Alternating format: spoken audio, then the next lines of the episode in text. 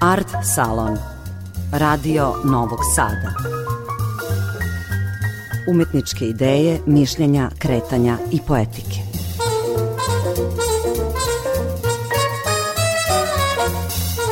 Dobroveče. Ja sam Tatjana Novčić-Matijević. Počinje Art Salon, emisija za kulturu Radio Novog Sada o umetničkim idejama i praksama. Modernost i modernitet u umetnosti, društvu i civilizacijski rezultat je francuske buržoaske revolucije. U kakvoj su korelaciji književnost i revolucija? O tome će biti reči večeras u Art Salonu. Istoimeni, naučno-teorijsko-kritički skup, nedavno je organizovan u Novom Sadu. U Art Salonu o revoluciji i književnosti, filozofsko stanovište Alpara Lošonca i kritičarsko-teorijski Jelene Marićević-Balać.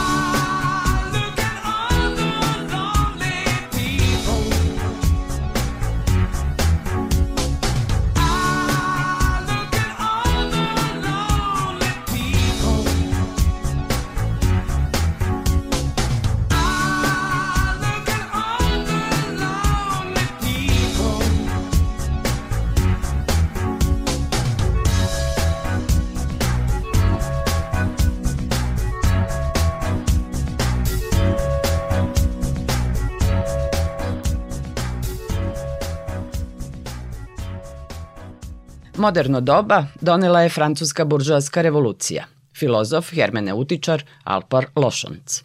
Ja mislim da smo sa pojmom revolucije usred protivrečnosti između modernizma kao orijentacije sa energetikom negacije i kritike i moderniteta kao institucionalizovane stvarnosti i konfiguracije moći koja želi da pripitomi različite nekontrolisane ishode negacije. Pri tome modernizam beleži u svom bogatom nasleđu dve posebne figure koje postaju ne samo njegov materijal tumačenja sveta, nego su to i pokretačke snage koje drže stvarnost u neprestanom pokretu. Prva figura je upravo pomenuta revolucija, a druga je kreativna destrukcija. Treba zapravo uzeti u obzir da obe figure imaju izvor u vremenima pre razmaha moderniteta, odnosno modernizma. U stvari ove figure u premodernitetu služe cikličnom razumevanju sveta, po kojem se dinamika stvarnosti realizuje na osnovu kružnog toka.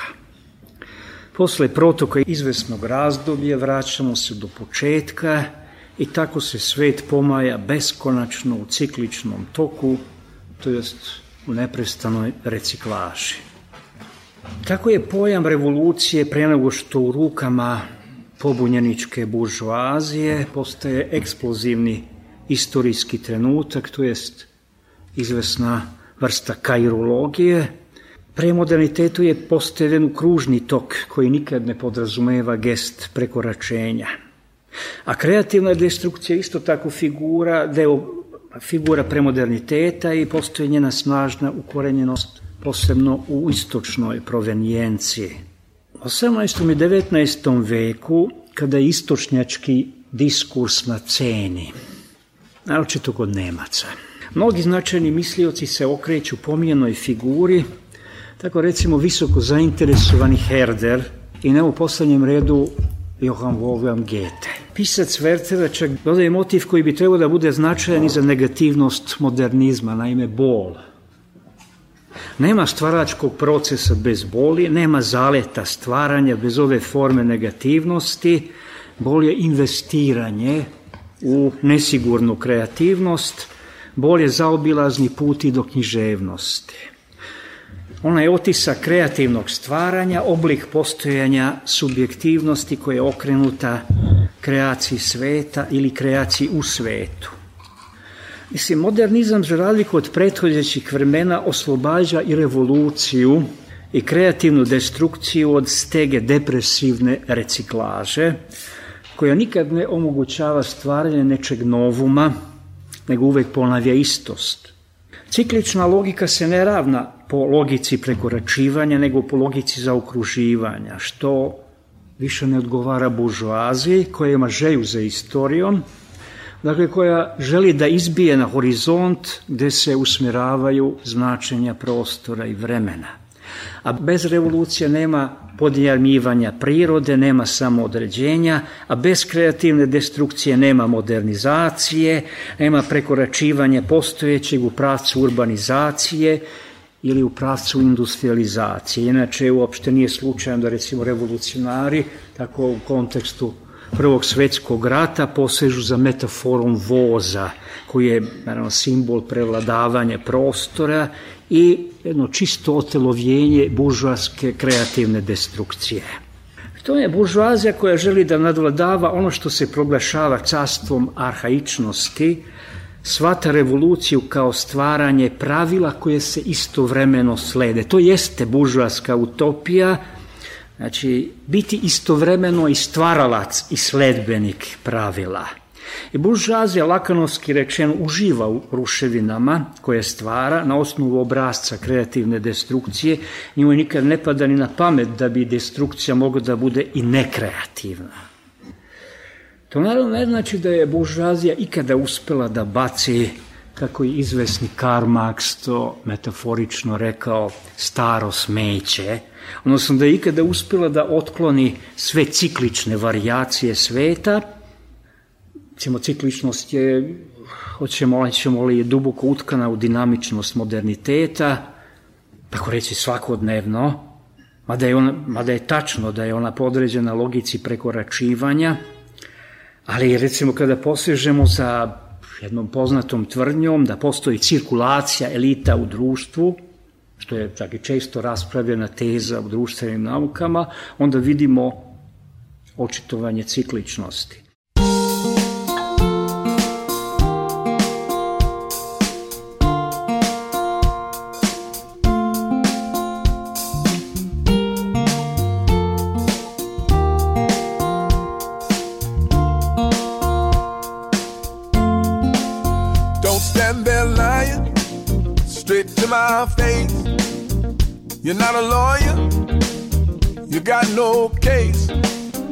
No alibi. It don't make sense. You're just a criminal. I got all the evidence. And they say the truth will set you free. But the less you say, the better off you'll be. You have the right to remain silent. You know you're guilty. Don't even try it. Don't lie. I won't buy it. Just walk away and remain silent. I'm the judge. I'm the jury. Justice will be swift. There will be no mercy. Punishment will fit the crime. One thing for sure, we're gonna do sometime. But you know the truth will set you free. But the less you say, the better off you will be. You have the right to remain silent. Oh, you know you're guilty. Don't even try it. Don't lie. Cause I won't buy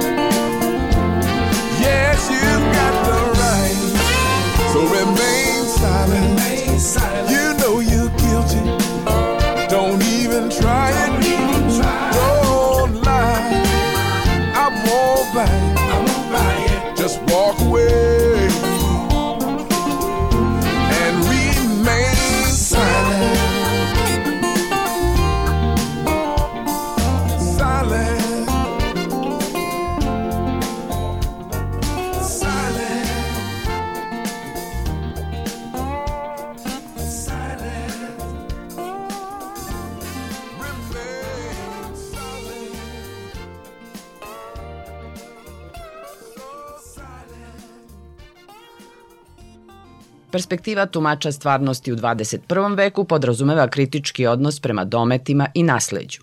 Alpar Lošonc ukazuje na paradokse i potencijale. Kako se književnost odnosi prema obrazcu buržarske revolucije, a bez koje odista nema ni modernizma, tačne nema ni onih potencijala negativnosti koje teraju revoluciju napred. Sve revolucije koje su zadesile književnost moraju biti barem u nekoj sinhronoj vezi sa buržoazijom koja je zainteresovana za autonomnu refleksivnost i ta buržoazija ne samo da inspiriše, nego i sponzoriše, mentoriše književnost, da bi Naravno, ista ta buržoazija samo razumevala svoje nesigurnosti, svoje protivrečnosti, svoje erotske konflikte, svoje strasti, neograničenost želja, tako i zbunjenost u pogledu dinamike kapitalizma. Ali da se pitamo da li su revolucije u književnosti i posredstvom književnosti samo eho, ocijaji buržoaske revolucije. Da li je književnost kao revolucionarna transformacija osuđena da bude rob buržoaske revolucije? Buržoazija odista želi revoluciju, bez nje ne može, ali je projektuje tek kao privremenu. Znači, priželjkuje njen što skori završetak. Mogli bismo da kažemo da buržoazija želi nastava kreativne destrukcije, ali bez revolucije. Činjenica da buržoazija bez koje nema književnosti uopšte ograničava svoju samokritiku. Tačnije zaustavlja revolucionisanje sveta, koči tok revolucije da bi stabilizovala sebe, svoju poziciju u svetu, odustaje od negativnosti kritike i postaje majstor hegelovski rečeno pozitiviteta. Revolucija kao odrednica da nas nije na dobrom glasu. Kogod je pominje, rizikuje ekskomunikaciju. Nekako mi smo predodređeni tako da mislimo da je revolucija nekad postojala, a danas je više ne može biti. Zato što smo ideološki impregnirani tako da preko nje reduktivno asociramo na odrubivanje glave, na užas i pakao. Ali gubimo osjećaj u odnosu na njenu neizdrživu uzvišenost, na njenu paradoksalnu estetiku, da citiram mrziteja konzervativca Berka, i najzadna ulog koji prebiva u njoj. Danas smo shodno tome manje senzitivni na protivrečnosti revolucije, ne volimo da se upuštamo u teške, neizgledne rasprave o tome šta to uopšte znači, ne vidimo svakdašnju ulogu umetnosti u njoj, ne vidimo njenu kreativnost i njenu stopljenost sa kreativnom destrukcijom. Osim toga, ako otklanjamo od sebe teške antinomije povodom nasija bez koje nema nikakve revolucije, pa čak ni književne revolucije, koja nasijem zapravo želi da otkloni nasije mreže kodifikovanih tekstova, kodifikovane književnosti opšte, ili želi ala nadrealizam da nasilno šokira uspavale trome i one koji su utkani u inerciju perceptivnosti građansko-buržarskog sveta.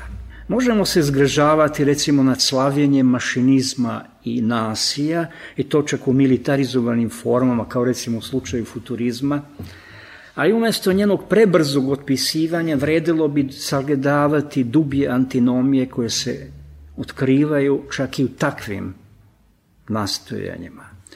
Trebalo bi prema tome obnoviti nekad vođenu, ali u međuvremenu zaustavljenu raspravu o vremenitosti revolucije, da uvek postoji protivrečnost između revolucije i postrevolucionarne situacije, koji su naravno mnogi skloni da ocenjuju kao izraz duboke melanholije.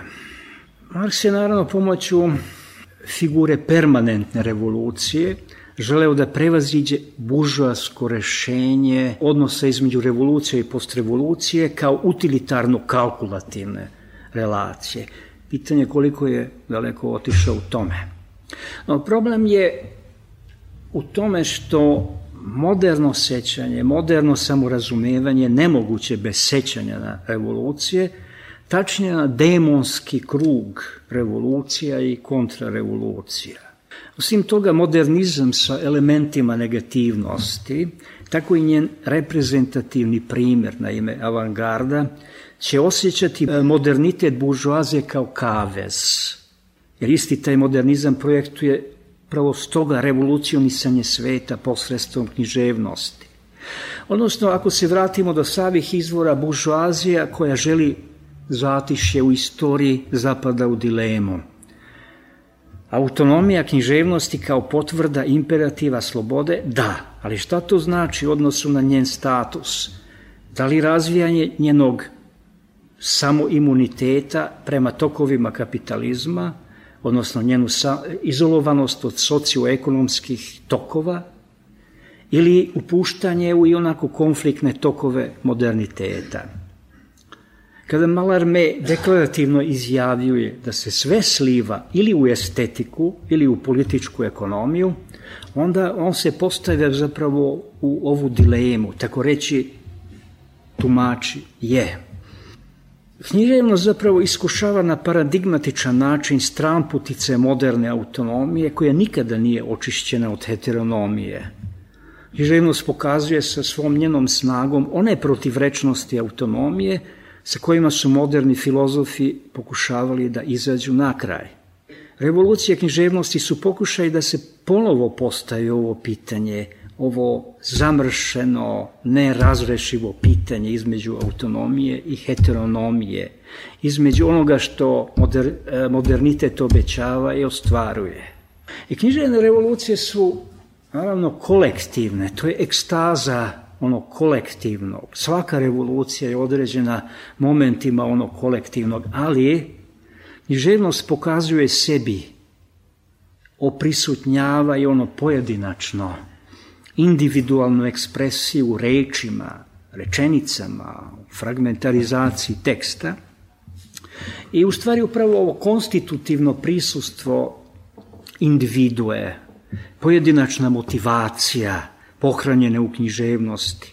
Tako i u književnim revolucijama je obrazac za revoluciju uopšte. Jer književnost kao revolucija polazi od intencije koja je startna tačka za revolucionarnost modernizma kao takvog. Menjati postojeće. One, two, three, four.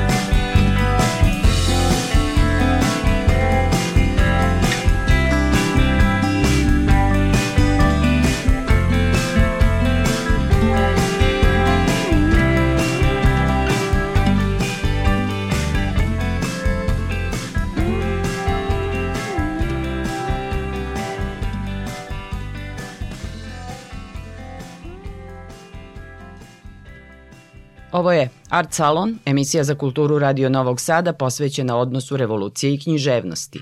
Jelena Marićević-Balać, teoretičarka i kritičarka, za studiju slučaja odabrala je dramu Ruženje naroda u dva dela Slobodana Selenića poetička, tako i porodična i privatna preokupacija Slobodana Selenića e, pitanjem srpske revolucije, tačnije onom predratnom Jugoslavijom, kraljevinom Jugoslavijom i razume se e, republikom i ono pogubno dejstvo, kako da kažem, revolucije 1945. godine i razume se na neki način e, srpsko pitanje koje je samim stvaranjem SFRJ bilo bačeno pod tepih. Ono što Slobodan Selenić uzima kao izvesne markere ili poetička funkcionalna mesta u dramama jesu stihovi, posebno stihovi iz narodnih epskih pesama koji su funkcionalizovani. U drami Ruženje naroda u dva dela stvari su možda malo i eksplicitnije. Radi se o funkciji pesme Početak bune protiv Dahija, dakle pesme koja nastaje, jel da koji jeste ispevo Filip Višnjića, koja je nastala na talasu Srpske revolucije, kako je imenovao prvi srpski ustanak Čedomir Popov i istoričar.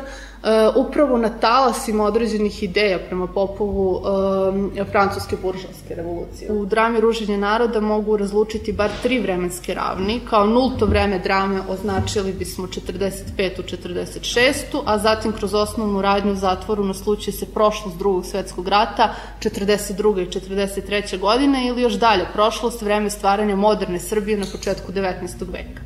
Vreme stvaranja moderne srpske države obeležila su dva ustanka, ali i njihove vođe Đorđe Petrović i Miloš Obrenović. Međutim, godina koju je odabrao Selenić je 1817. to je godina u kojoj je Karadžorđe izgubio glavu. Dakle, godina 1817. presudno je uticala na ocenjivanje ličnosti Karadžorđe i Miloša, čak i na ljude čije neutralnost ne bi smela da bude sporna. Još je knez Miloš bio načisto sa tim da se i narod podelio na one koji su odobravali ili osuđivali njegov postupak. Za ovo pogubljenje Karadžorđe nekime, kaže, obožavaju, a mnogime ukoravaju.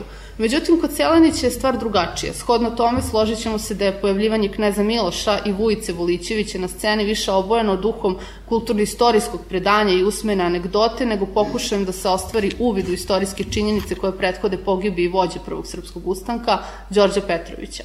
Miloš Obrenović je tako sveden na stereotipnog junaka anegdote i kulturno-istorijskog predanja. U prvom planu su žeđ za vlašću, erotska glad i seksualna moć, nasilje, sirovost i prezir prema pismenosti i pismenima. Selenićev Miloš namerno je pojednostavljen do simbola lukavstva, moći i apsolutne vlasti. Tako da želja da se oživi neko predanje iz nacionalne istorije može namerno ili nenamerno postati izvor i simbol čitavog niza ideoloških i političkih shvatanja, apologije ili kritika jednog društvenog ili nacionalnog ustrojstva u prošlosti. Selenić pravi analogije između prošlosti 40. godina 20. veka i prvih decenija 19. veka. Na primer, na sceni su sinhronizovane radnje kada Milošu pred nogama stoji odsečena Karadžorđeva glava i kada hici pogađaju majku i jednu devojčicu, po svemu sudeći posredstvom Čapajeva i Kuštrimovića. Čapajevi i Kuštrimović su iz istog kraja, Šumadijskog, što nije zanemarljivo ako imamo u vidu ne samo da je jezgro četničkog pokreta nastalo na području Šumadije, već i prvi srpski ustanak izbio u Šumadiju u Beogradskom pašaluku. Uz to konačno treba uvesti u središte razmatranja i epsku pesmu Početak bune protiv Dahija koja može da funkcioniše kao osobina kvintesencija istorijskog iskustva. U 17. pojavi u zatvorsku sobu upada pijani učar, 30-godišnji major Udbe. Nadojem pićem, uzavrelih afekata, iskazuje potrebu za nekim novim Srbima. Pi, kaže, kakvi ste grdni. Da mi je da vas sve pobijem, pa neke nove Srbe da pravim sa nekim svetim ženama. Nakon ovih reči ubrzo će uslediti uča. Nisam ja s tobom zajedno ništa, ni Srbin i kakav si ti Srbin, izrod. Ja sam Srbin, deda na Samokovu, otac. Aj da te vidim Srbine Srbendo i onda počinju da recituju pesmu. Najpre treba istaći pitanje nacionalne svesti koja provejava učinim izjavama. Država se 46. nazivala Federativna narodna republika Jugoslavija na čelu sa komunističkom partijom.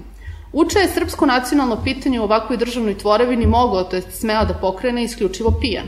Nakon ovoga postavlja se pitanje u kakvom odnosu to stoji sa pominjanom epskom pesmom koja se recituje u drami. Kako nam je poznato, pesma govori o seči knezova, uzroku prvog srpskog ustanka, a kao preduzimljivog i ključnog čoveka izdvaja vožda. Treba imati u vidu i unutrašnju krizu Osmanskog carstva, kulturno i političko sazrevanje i buđenje nacionalne svesti balkanskih naroda. Pitanje buđenja nacionalne svesti upravo je ono što opravdava Selenićev izbor i objašnjava jedna od funkcija pesme. Tekst nam to potvrđuje i učinim insistiranjem da se moraju setiti kraja pesme. Uča kaže, kraj, kraja se moramo setiti. Značajan deo pesme, to jest kraj, znao je jedini koji do tog trenutka nije učestvovao u recitovanju njenih odlomaka, a to je Slavoljub Medaković. Slavoljub će biti taj koji će podsjetiti sve prisutne – Kad je Đorđe Srbijom zavladao i Srbiju zemljom prekrstio, od Vidina pak do vode Drine, od Kosova te do Beograda, ovako Đorđe Drini govorio. I svi uskaču, Drino, vodo, plemenita međo, Horski, između Bosne i između Srbije, Slavoljub, naskoro će i to vreme doći, uča, kada ću i ja te beka preći i čestitu Bosnu polaziti. Zašto je ovo deo pesme na kojem se insistira? Odgovor sugeriše sadržina stihova. Radi se o tome da su pocrtane granice oslobođene Srbije, ali i potreba da se ujedine sa oslobođenim Srbljem i oni Srbi koji su van plemenite međe. Dakle, pesma se potencira potreba za ujedinjenjem, preciznije za nacionalnim ujedinjenjem. Otkud potreba kada je 46. FNRJ okupio sav oslobođeni južnoslovenski živalj pod okrilje jedne državne zajednice. Više nego očigledan odgovor dobijamo na samom početku i na samom kraju drame kroz dijalog Majora Athertona i pukovnika Douglasa.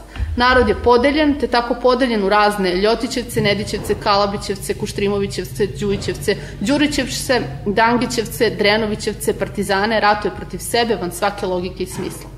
Pijeni uča je pesmom na kratku uspostavio narušeno jedinstvo među bratijom u zatvorskoj ćeliji tako što je jedini trenutak u kome su svi junaci Selenićeve zatvorske drame složni i objedinjeni i osobeni ironijski klimaks teksta vezao za horsko kazivanje pesme Početak bune protiv Dahije. Patos velike pesme ujedinjuje načas i četnike, i komuniste, i građanske liberale, i majora Ozna. Bio je to Art Salon posvećen odnosu književnosti i revolucije. Narednog utorka nove priče o umetničkim idejama, poetikama, praksama. Laku noć želi vam Tatjana Novčić-Matijević.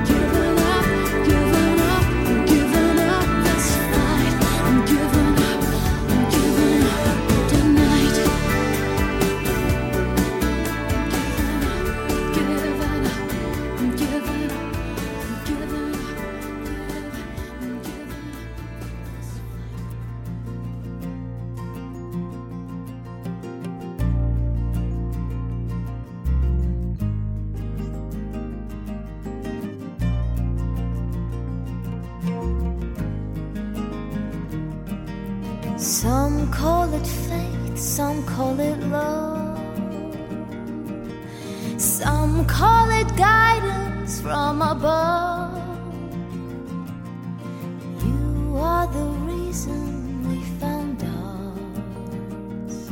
So thank you, stars.